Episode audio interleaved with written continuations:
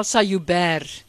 Nou ek wil net sê toe ek vir Elsa gebel het destyds hieroor, ek en Meld, toe was sy entoesiasties om hier te wees, maar sy het toe al vir ons gesê ek sal dalk vir julle moet bel. Sy uh uh jy verstaan sy word 91. En uh, sy is baie broos en sy het nou ongelukkig laat weet sy kan nie self hier wees vanmiddag nie, maar nou is ons tog so dankbaar om haar seun hier te verwelkom. Uh Nico, waar sit jy Nico? Nico Steytler, hy sal so 'n woordjie spreek en Isabou, haar kleindogter, wat dan hierdie geleentheid meemaak. Hy sal dan net namens haar so drie woordjies sê. En uh omdat ek weet sy sou baie baie graag hier wou wees en ek dink dit sal vir haar absoluut wonderlik wees om te weet dat julle almal gekom het oor haar werk. Maar nou is ons ook baie gelukkig dat ons twee baie gevierde persone op die verhoog het. En ek dink die Annarisa my verkwalik as ek sê vir vir al Andre P. Brink wat saam met haar 'n 60er uh was. Uit uh, ek uh, verlof om dit te sê want hy het dit nou gesê op RSG ook ehm uh, dat uh, die oor die middaguur spektrum uh as 60er wat 'n baie lang pad saam met Elsa gestap het. En nou dus op alle uh soorte vlakke as ek dit nou mag, mag so sê as skrywer as mens baie goed ken. Ehm um, maar dan Annerie wat uh baie jare lank by die uitgewery in die uitgewerswyse wese betrokke was en wat 'n baie baie wye kennis self van die literatuur in die algemeen en van Elsa Joubert se werk meer in die besonder het en sy sal dan praat oor Elsa as mens, as persoon. Uh so dit is vir my 'n baie groot voorreg. Ons noem dit ons hou dit baie eenvoudig. Um, ons gaan heel eers te begin met Andre en hy gaan praat oor haar werk. Hy uh bly sit. Annerie verkies dit soos ek om te staan. So sy sal kom staan hier om dan te praat oor Elsa as 'n persoon. So en daarna sal Nico net baie baie kortliks. As hy lus het, as hy lus het kan hy sê. Ehm uh, vir ons net uh, ietsie sê namens uh, die familie. Die Steytlers en die Jouberts wat ons dus uh, vandag hier het. So baie dankie aan uh, Andre, dit is oor na jou. Baie dankie en baie dankie aan almal van u wat in Elsa se naam vandag hier bymekaar is. Dit is eintlik mense wil nie die woorde weer gebruik nie, maar ek dink vandag kan as mens werklik waar sê eer en voorreg om in Elsa se naam hier te vergader. Eintlik om vir haar dankie te sê en 'n soort van hulde te bring wat sy dubbel en dwars verdien as een van die steunpilare van die Afrikaanse literatuur. Haar werk gaan baie ver terug. En dit het 'n lang pad geloop soos wat sommige van haar karakters vanaf Poppy tot by Isabel, Isabel gewandel. En dat sy nog steeds daar is om dit op 'n effense afstandjie dan mee te maak dat ons vandag om haar onthaalwe hier by mekaar is. Dit stem mense tot baie dankbaarheid. Dit is so maklik om 'n oeuvre soos die van Elsa in 'n paar minute deur te draf nie. Veel meer as deur draf sal dit nie kan wees nie want daar is gewoon nie tyd daarvoor nie. Maar ek hoop dat ook Elsa sal besef dat 'n mens hier en daar maar net iets kan raakvat van die toppe kan bykom van 'n oeuvre wat oor soveel jare strek wat uh van die vroeë jare 60 af tot nou 'n half goeie half eeu en bietjie langer as 'n half eeu deurloop en nog steeds een van die kragtigste stemme is wat ons by ons het wat ons die voorreg het om by ons te hou. Ek moet dan asseblief verskoon dat mense maar net in die bestek wat aan my toegestaan is, net enkele van die kardinale punte kan uitsonder waar 'n mens Elsa se stem baie duidelik hoor en haar baie haar bydra baie intens kan waardeer. Ek weet nie of dit help om 'n paar spesifieke kontekste te noem waarbinne 'n mens vir al haar werk kan kyk nie, want daar is soveel. Maar ek dink tog dat waar 'n mens ook al kyk, waar jy ook al trap in haar werk, kan jy van een ding nie wegkom nie en dit is die konsep van reis. Die konsep van verken, die konsep van rondkyk en inneem en reageer. Vanaf haar eerste werk toe sy veral as 'n uh, reisverhaalskrywer of reisboekskrywer bekend geraak het en diep spore getrap het is dit 'n neiging wat jy in haar werk eintlik deurgaans en oral bly teekom.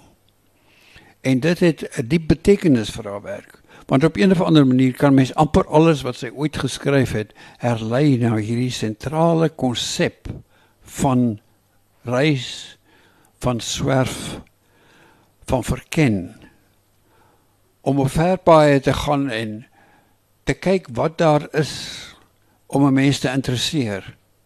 Wat jou menswees aanspreek en wat aan daardie menswees iets verander. Elsa was altyd te beskeie om te besef hoe dat sy self daardie wêreld verander het deur daar te wees, deur daar deur te loop. Want dit was 'n aanraking wat nie net van een kant af gekom het nie. Sy het nie maar die wêreld waargeneem en daarop gereageer nie. Die wêreld het deeglik kennis geneem van Elsa Joubert en is vandag nog om ons te die daarmee bekend. Maar dit is tog dink ek die moeite werd. Dit is tog sinvol om 'n gedagte te hou dat haar eerste werke in Afrikaans eintlik deur die bank reisverhale was, reisboeke was. Waarin sy op 'n baie bepaalde manier met die wêreld waarin sy haar bevind het, omgegaan het. Dit het skering en inslag van baie van die 60ers se werk geword om te reis en op op reise te reageer en deur reise te reageer op die wêreld waardeur sy gaan. maar ook om beslag te gee aan daardie wêreld om 'n vertolking daarvan te gee. En wat 'n mens dadelik opval as 'n mens weer met baie groot plesier deur die boord van haar werk loop en so pluk pluk loop is dat onder baie van die 60ers reis 'n sleutel gegee geword het maar waar die, ons ander meestal op soek en nuuskierig was oor dit wat ander kan die grense lê om te kyk hoe ver ons kan gaan en dan weer daarmee terug te kom. En miskien deur die ver gaan al meer te ontdek van waar ons vandaan kom van waar ons eintlik hoort maar Elsa was hoewel sy baie gereis het en baie reismyle afgelê het was daar een sentrale bemoeienis in haar werk waaraan niemand kan ontkom nie en dit is Afrika. 'n Mens vir vir die meeste van ons ons ander was dit 'n geval soos Eliot se beroemde een van die vier kwartette die besef dat jy uitgaan en verken verder grense oorsteek maar dan uiteindelik altyd weer moet kom and know the place for the first time. Elsa het dit uit van het dit uit die staanspoor geweet. Sy het geweet ons is van hier, ons is van Afrika en sy wou uitvind wat spel Afrika? Wat beteken Afrika? En waar ons ander spore gaan trap uit in of dit nou Frankryk was, en of dit Italië was en of dit Suid-Amerika was of Spanje of waar ook al. Sy het altyd geweet Afrika is ons baggermat. Na Afrika toe sal ons almal altyd een of ander tyd moet en wil terugkom. En Elsa het in Afrika gebly hoewel sy ook baie ver van Afrika af geloop het, maar altyd met 'n bewuste terugkeer na die beginpunt to know the place for the first time. Sy het geleer spel aan die AB Jap van Afrika uit die staanspoor. En die een boek na die ander en daardie vroeë reisverhale. Vat dit vas of dit water in woestyn was of dit die verste reis was want dit is eintlik wat sy oor en oor ontdek het dat die reis wat in myle of in kilometers die verste was miskien die naaste aan die hart was en dat jy altyd so intoe moet terugkom. Of dit swaarwer in die herfsland was of dit suid van die wind was of dit die staf van Monowatapa was. En die blote ontdekking in daardie bepaalde boek dat sy by geleentheid die genade gehad het om die staf van Monowatapa in haar hande te hou en dit as geskenk te kry van iemand in Afrika. Uh het 'n mens klaar 'n soort van 'n gevoel laat kry dat jy nou eintlik hier met 'n mitiese mens te doen het. Elsa was nooit sku om in die mites in te grawe en te gaan soek na verder en meer as net hier nie. Maar daardie staf van Monomotapa het 'n soort van 'n 'n mitologiese besinning meegebring. 'n diep herontdekking van Afrika en van alles wat van Afrika af uitgegaan het met die voortdurende ontdekking natuurlik daardie ou latynse spreuk dat uit Afrika daar altyd iets nuuts kom. Maar Elsa was ook skerpsinnig genoeg om in daardie nuwe altyd ou dinge te ontdek wat jy al vergeet het of waarvan jy nooit regtig geweet het nie. En dit was deur daardie eerste reeks boeke dat sy mense eintlik bedag gemaak het daarop dat haar essensiële verkenning Afrika was en Afrika gebly het met 'n Afrika wat soos ons dit nog nooit van tevore geken het of deurgekyk het nie en begryp het nie. Elsa het dit gegryp en begryp en sy het deurgangs van daardie eerste paar werke Water en Woestyn en vers die reis en swerwer in die herfsland en suid van die wind en staf van Monotapa in die Nuwe Afrikaan. Voort te gaan tot die reise wat eintlik nooit eind kry nie die reis in die gedaante van of deur die oë van 'n Popinongena wat miskien die werk van haar is wat die mees sentrale ingebed staan in Afrikaans in Afrika en alles wat van Afrika is. Iets wat nooit heeltemal omskryf kan word nie. Wat soos uh Guido Gazella se rinkelende winkelende water ding oor oor die naam van God skryf. Elsa het ook vir haar baie diep bemoei met die skryf van die naam van God. Maar veral oor en oor die naam van Afrika te skryf om te kyk wat dit werklik beteken, waar dit vandaan kom, waar ons uiteindelik almal teregkom. Die Afrika waarheen ons altyd almal bewus of onbewus op pad is. Om op pad te wees om van een plek na 'n ander te gaan om aan die beweeg te bly, baie keer uh meestal baie meer as net Jan Rabie se effens stergende aanhou beweging geraas maak. Vir hom het dit om baie meer gegaan en vir Elsa altyd om baie meer. Maar dit was nadat sy in hierdie geografiese verkennings gekyk het, oor en oor gekyk het en van verskillende kante af gekyk het na wat Afrika spel, dat sy in die rigting van die fiksie begin beweeg het, van die verbeelding Want lank voordat sy novelle of roman geskryf het, het sy eintlik geweet dat dit is waarheen sy op pad wil wees. Nie net om te kan sê hier was ek, op hierdie plek was ek, so het dit gelyk, dit het ek in my ingeneem nie.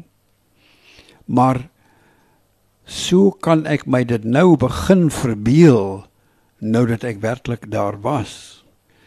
Daardie hupstoot van die verbeelding waar sonder geen skryfwerk eintlik ooit werklik moontlik is nie is iets waarvan Elsa stilweg alles geweet het met 'n soort oerwysheid wat 'n lig laat skyn het deur die mees alledaagse en die mees bekende.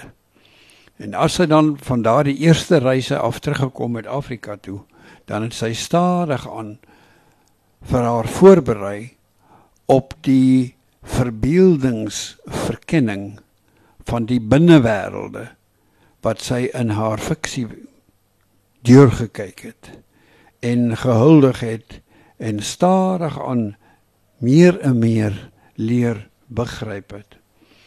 En dit het ons die eerste keer werklik ontdek toe sy openlik met 'n kammerreis begin en 'n verbeelde reis onderneem in die Walerbrug. Wat vir my nou nog eintlik een van Elsa se heel gedurfdste tekste is, een waarin 'n mens nog steeds nuwe dinge kan ontdek, omdat sy hier nie na 'n bekende stad gekyk het nie, uh, of 'n bekende land nie. En tog erken 'n mens amper amper op elke bladsy iets van die moontlikheid van ander plekke. Maar ander plekke wat net aanderkant die begrip van ons elke dag se lewe lê. Dit is waarom waarin sy vir ons leer besef en waardeer waarna ons moet kyk, waarop ons bedag moet wees wanneer ons haar reisboeke lees. Nie net wat sy beskryf omtrent 'n bepaalde plek, 'n eiland te suid van die wind of 'n landstreek waar amper bekende tale gepraat word of iets dergeliks nie. Maar om te kyk waar die verbeelding jou heen lei wanneer jy jou op vreemde spore en in vreemde landstreke bevind. In die Walerbrug is daar baie passasies waar mense kan sweer, o, dit moet hierdie brug wees, dit moet hierdie stad wees en elke keer vergis jy jou. Elke keer besef jy nee, ek het my eintlik nou vasgeloop in iets onbekends. En om jou bewus te maak van die bekende in die onbekende of of althans die onbekende in die bekende en die bekende wat eintlik eers sy naam kry via die onbekende. Dit is vir my een van die groot winste van Elsa se werk deurgaans, maar baie spesifiek vir die eerste keer in daardie verbeelde reis deur die amper bekende land wat in die Walerbrug gefisenteer word, nader bekyk word. En dit is nadat sy dit uh onderneem het dat sy eintlik volledig bewus geword het van wat sy beskryf het 'n paar jaar van tevore al in daardie vroeë baken in haar werk. Uh ons wag op die kaptein. 'n Verhaal wat van baie vroeg af eintlik al gewaardeer is in Afrikaans deur leidende voorste kritici. Maar ek dink dit is 'n werk waarna 'n mens nog altyd met baie vrug kan terugkeer en amper elke keer nog iets nuuts kan ontdek.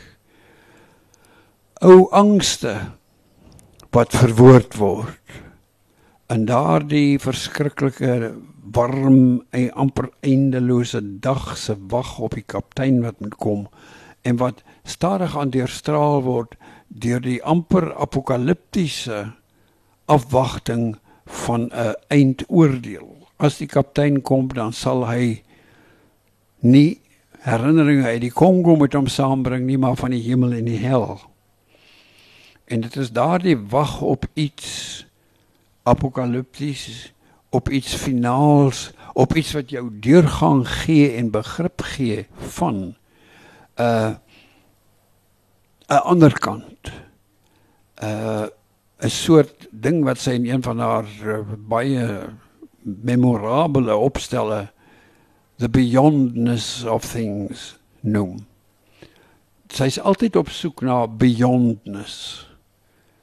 Ons wag op die kaptein was so 'n wag op nie net 'n kaptein wat in 'n helikopter oor die Kongo rivier moet aankom nie maar 'n 'n wese wat sal weet wat jou tot op die been toe en tot ander kan die been toe sal deurkyk om jou te weeg met 'n mini mini tekel en om dit daarna vir jouself duidelik te maak of dit vir jou die moeite werd was om hier te wees en of dit die moeite werd sou wees om weer deurstraal van die lig van begrip hiernatoe terug te kom en weer in Eliot se woorde vir die eerste keer werklik hier te wees.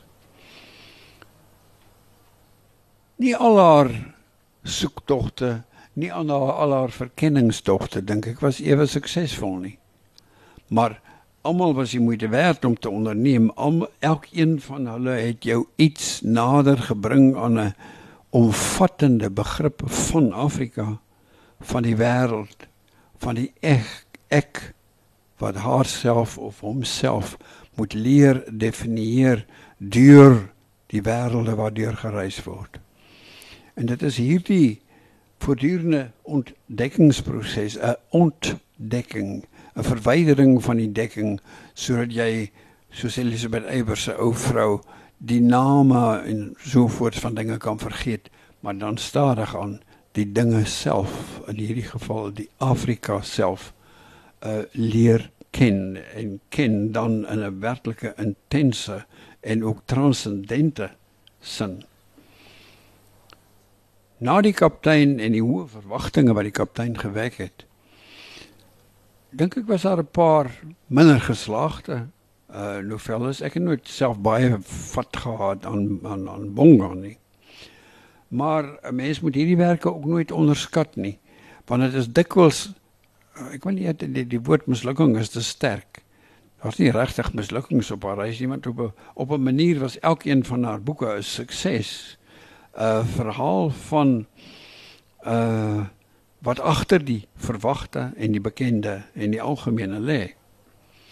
Maar uh soos ek sê in in in inwerke soos Bongo dink ek nie is daar soveel ontdekking as in sommige van die ander nie. Maar dit was iets soos Bongo wat 'n mens heeltemal meegesleur het teen die tyd dat dit jou gebring het by daardie werk wat nou nog na soveel jare eintlik toring maak oor die hele oeuvre van Elsa Joubert en dit is natuurlik die swerfjare van Poppy Nongena wat tereg ook uitgesonder is is een van die beste boeke uit Afrika in die 20ste eeu.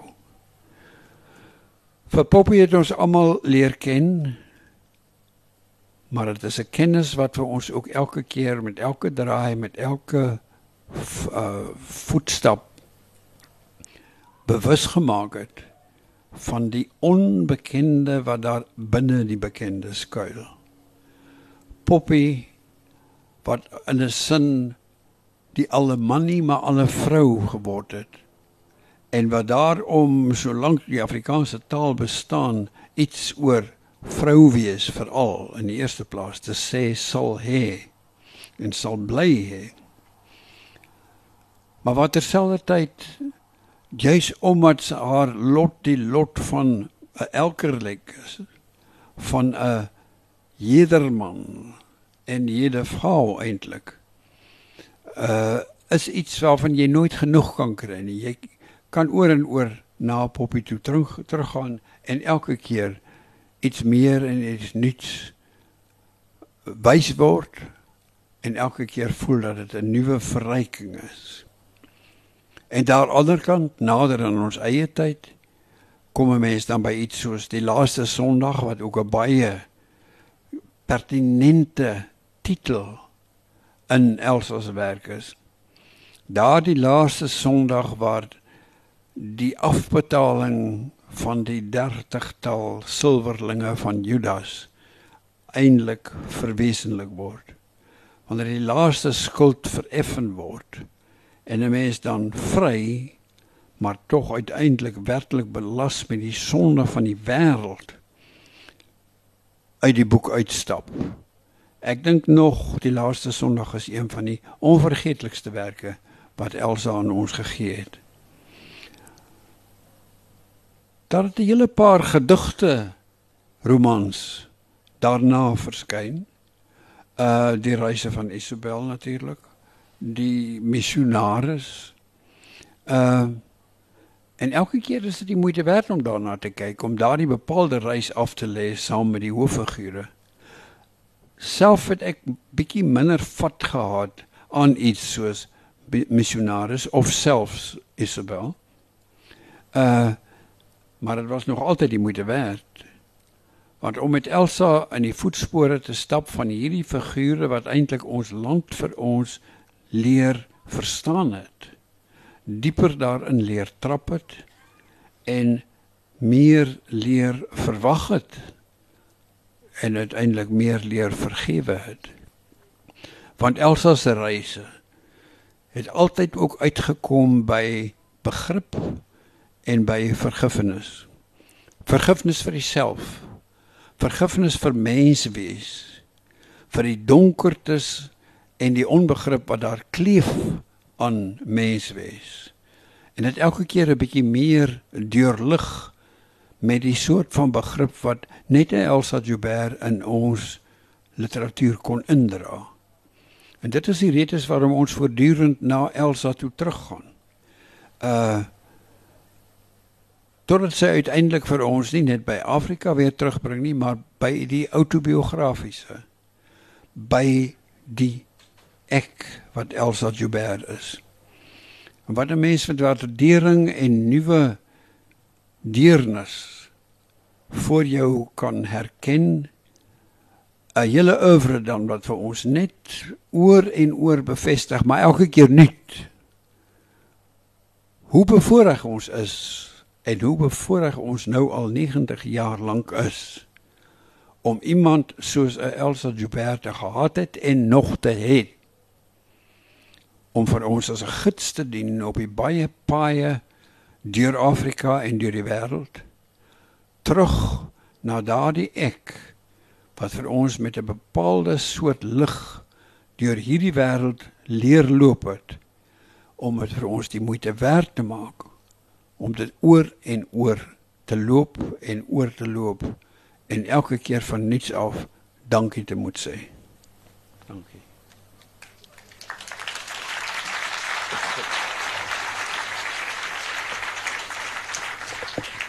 Baie dankie vir hierdie uh pragtige veelzeggende uh uh amper sê boodskap wat jy gebring het.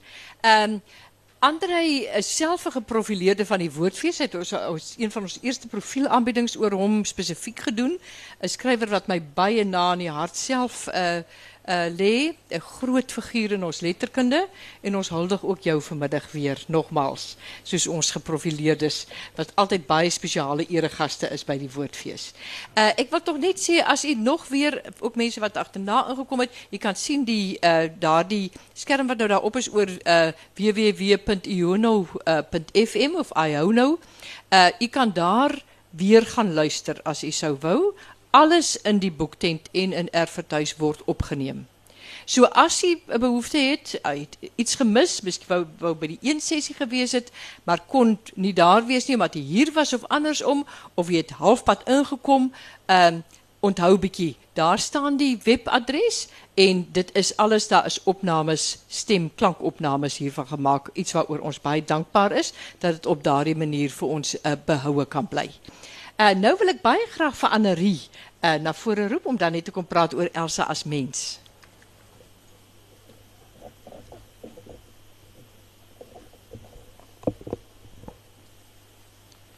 Ek lees maar my stuk.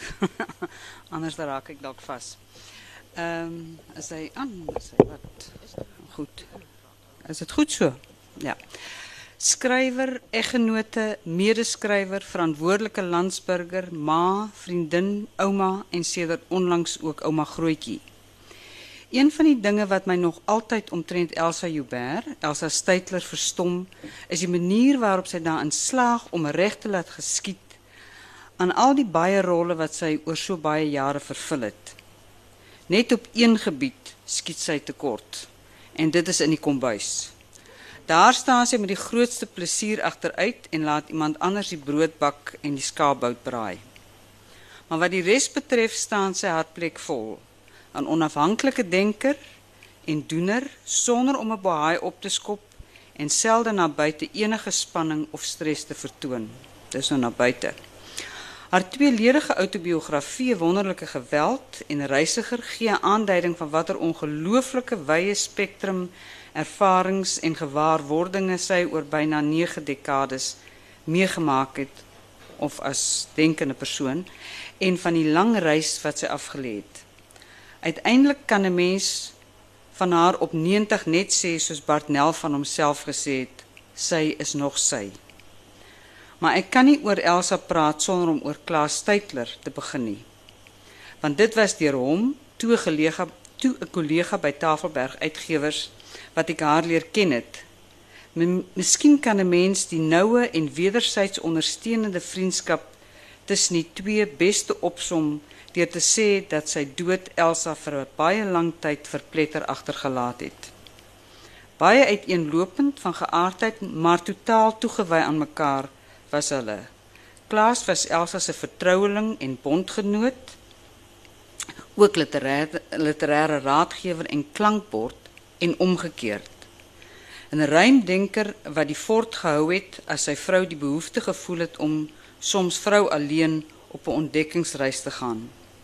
'n Eggenoot wat die roem wat sy vrou skielik oorval het en hom tydelik in haar skadu gestel het met groot grasie kon hanteer. Op 'n keer toe die sperwjare van Poppy Nongena internasionaal opslag gemaak het en hy by een of ander huldigingsgeleentheid letterlik iewers in die agtergrond gestaan het, het hy op 'n vraag na homself met 'n skewe laggie as meneer Poppy verwys. Maar natuurlik Elsa moes haar kant ook gebring het anders sou die verhouding tussen hulle nie so lank stand kon hou en so vervullend gewees het nie. Ek het Klaas en Elsa van naderby leer ken toe die kinders almal uit die huis uit was. Omtrent die enigste huishouding in die Kaap waar ek onaangemeld na werk sou opdaag en sê ek is honger, hoe lyk dit met 'n stukkie brood? En dan bring Klaas 'n dik sny van sweetness se doodgooi gesondheidsbrood met 'n dik homp cheddar kaas en 'n onmisbare glas whisky.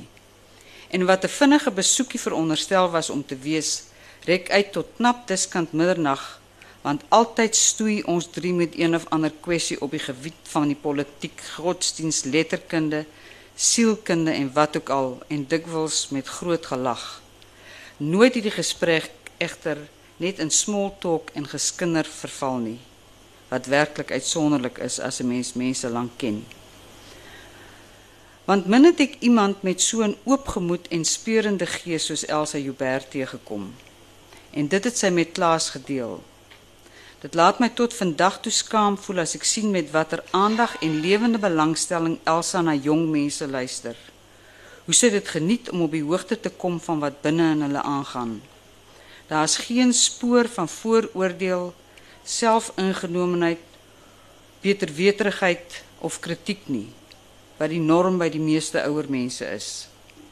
Ek onthou hoe sy my vertel het van iemand se dogter wat 'n ring in haar naakie wou laat sit. Die vriendin was ontstoke kon kwaliek met haar dogter kommunikeer. Elsa het die saak kalmties met die jong meisie deurgepraat na oortuig dat dit nou werklik 'n baie onhigiëniese ding is om te doen en dit was die einde van die saak. By haar 90ste verjaarsdag het haar kleindogter Isabou in haar toespraakie haar ouma bedank, nie omdat sy so 'n goeie ouma is nie, maar omdat sy so 'n begripvolle vriendin is. Isabou was dankbaar nie soseer omdat Elsa so lank gespaar is nie, maar omdat sy self oud genoeg kon raak om haar ouma as mens en vriendin te leer ken. En as ek aan die Steytlers dink, dan kom die skrywersgilde en Jan Rabie en Marjorie Wallace en Richard Reeve dadelik in my kop op. Chris Barnard en Katinka Heinz en onder 'n rivier waar so baie skrywers strandhuise gehad het. Want dit was in die skrywersgilde waar Elsa sê sy die eerste keer werklik geborge gevoel het. Van kleins af was daar iets onvoltooids aan haar verhouding met haar mense en haar kultuur. 'n leemte wat die skrywersgilde onverwags gevul het en waar sy haar volledig saam met medeskrywers in Afrikaans kon uitlewe. Ek herinner my hoe sy en Klaas en Jan 'n skenking Afrikaanse woordeboeke by van die Kaapse uitgewers gekry het en aan swart skole op die Kaapse vlakte te versprei. Hulle hulle poging om Afrikaans te bevorder en te bevry van die stigma wat na 1976 aan die taal gekleef het. Want Elsa is iemand wat wederzijds wederzijdse begrip probeer skep. Nie deur konfrontasie nie, maar in stilte en deur iets daadwerkliks te doen. Op 'n keer het sy die werk van skrywers van elders in Afrika aan 'n Afrikaanse leserspubliek voorgestel deur 'n reeks artikels, maar eers nadat sy haarself ingelig het en verdiep het oor die onderwerp. En dit is nog 'n kernkenmerk van haar om op speurtogte te gaan. Ook haar werklike reise was in soek na antwoorde. Waar haar telk wat haar telkens aangevuur het om 'n spesifieke boek te skryf, was wanneer sy iets meegemaak of gehoor of gelees het wat sy vermoed het die potensiaal het om 'n antwoord op 'n knellende vraag te bied. So het Poppy ontstaan. Sy het vermoed dat die vrou wat in haar huis werk, die sleutel kon bied tot 'n begrip van swart mense se ervaring, 'n wêreld wat tot toe vir haar 'n geslote boek was. En eerwaarde van Lingen in missionaris kon dalk lig werp op die knellende vraag wat die rol en posisie en roeping van wit mense in Afrika is. Trouwens Andre, dis weer een van my geliefkoeste boeke. Ek het dieselfde in die skrywerswêreld iemand met soveel meer lewendheid en erbarming teenoor 'n medemens teëgekom. Miskien is Karel Benjamin 'n goeie voorbeeld. Verwer van beroep, daag hy met 'n werkspan by hulle huis in Belvedere Laan op en vergaap hom aan die twee mense wat kantoorure agter hulle tikmasjiene inskuif en net opstaan om te eet. Sy ewige geloerdery na hulle laat hulle hom later uitvra en dit blyk toe dat hy ook 'n passie verskryf het. Hulle is saam met hom, hy trouens nie eers laerskool kon klaarmaak nie as gevolg van uh geldgebrek.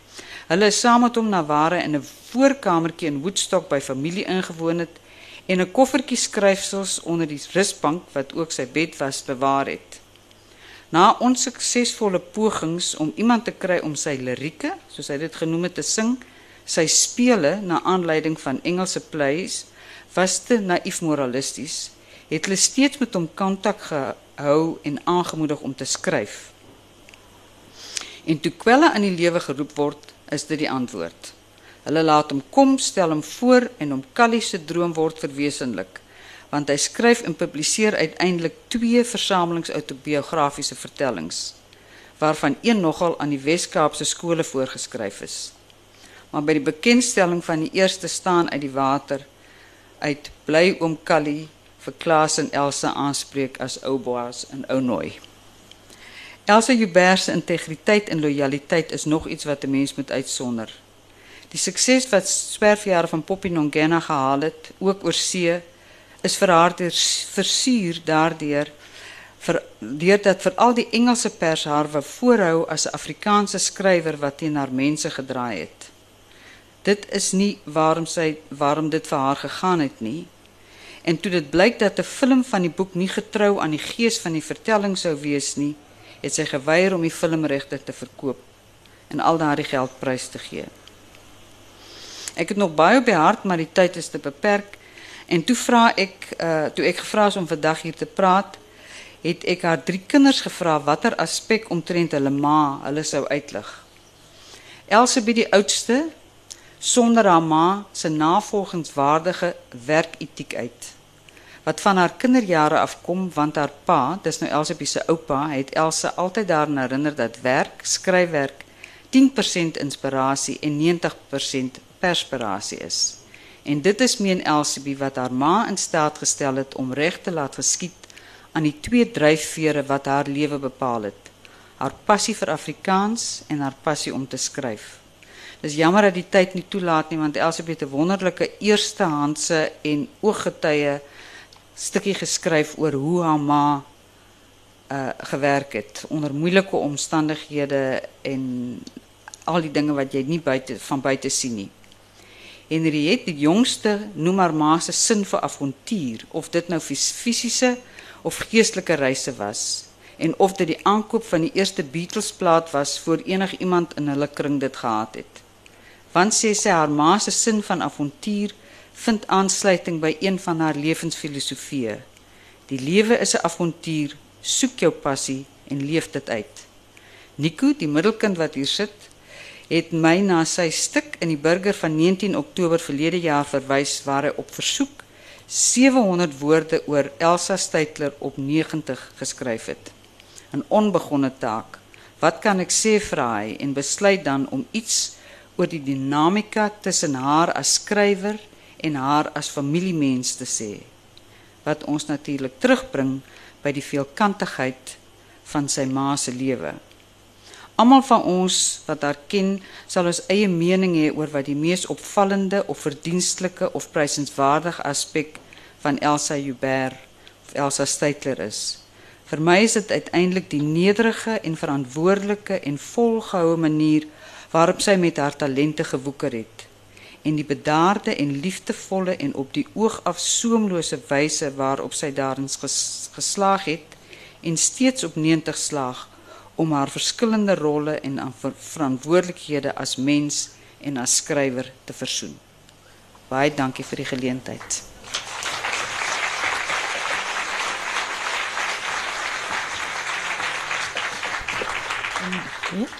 Nico sal net ietsie sê.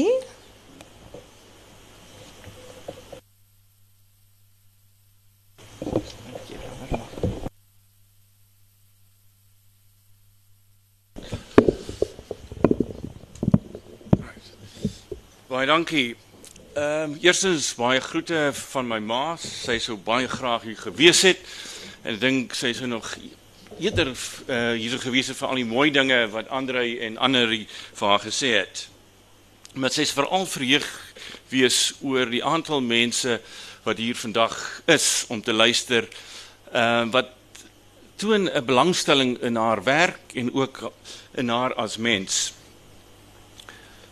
Nou Eerstens wil ek dan namens haar sê sy sou Andrei se insig se erkenning en oorsig oor haar lewe baie en haar werk baie waardeer het. Sy, ek weet, is 'n geweldige respek vir die kritiese vermoëns van Andrei en het dit altyd hoog op prys gestel. En hier het jy gekom met 'n kragtoer wat konteks, wat oorsig oor 'n halwe eeu se werk kon gee en dit saamvat in 'n baie betekenisvolle en ek dink baie duidelike manier. So sy sal baie baie bly wees oor wat jy gesê het. Vir Annerie jammer ek nou weer sy naam is my ma bedank maar, maar vir so deernisvolle uh antwoord of, of, of oorsig wat jy oor haar gegee het. En van familielid sou ek vir jou vreeslik bedank vir die manier hoe jy my ma en pa so van jonk hou. Jy kom daarin en daar is geen tyd vir enige ou mens goeders nie. Dit is jonk. Die bottel whisky word nader geklap en dan word groot sake bespreek. En daai energie wat jy altyd gegee het in 'n huis, ek dink dit het baie te doen dat my ma nou nog steeds so aan die gang is wat my net die laaste punt sal maak is alhoewel sy nie hierso kan wees nie is sy nog steeds 'n skrywer. Sy het nog hierdie week staan sy op, sy gaan na haar studeerkamer en sy doen eintlik wat wat eintlik in haar in haar gene is. Sy moet skryf en sy moet skryf omdat sy wil weet en verstaan, sin maak oor wat om haar aangaan. Selfs nou sin maak oor wat gebeur op die ouderdom wat sy gaan nou 91 word hierdie jaar. En daardie passie van skryf, sy kan niks anders wees nie. Ehm um, dink ek is vir ons almal in die familie en ek ook vir 'n breë gehoor 'n inspirasie dat jy nog sin maak en sinvol kan wees vir jouself en vir ander mense selfs op hierdie ouderdom. Baie dankie.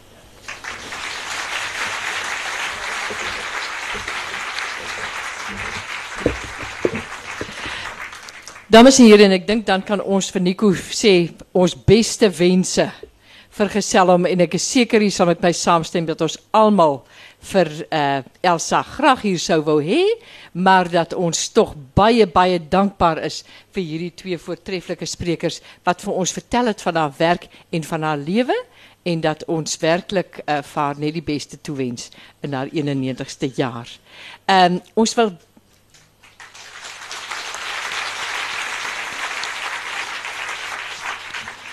Ja, ek miskien dan net so ietsie persoonliks ook. Dit is iets wat ek altyd van Elsa sal onthou. Daai manier wat sy het om vrae te stel.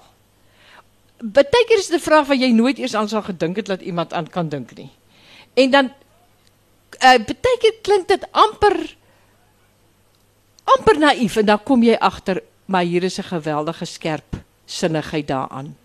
En sy's altyd aan die soek. Altyd na die aan die kyk na sin.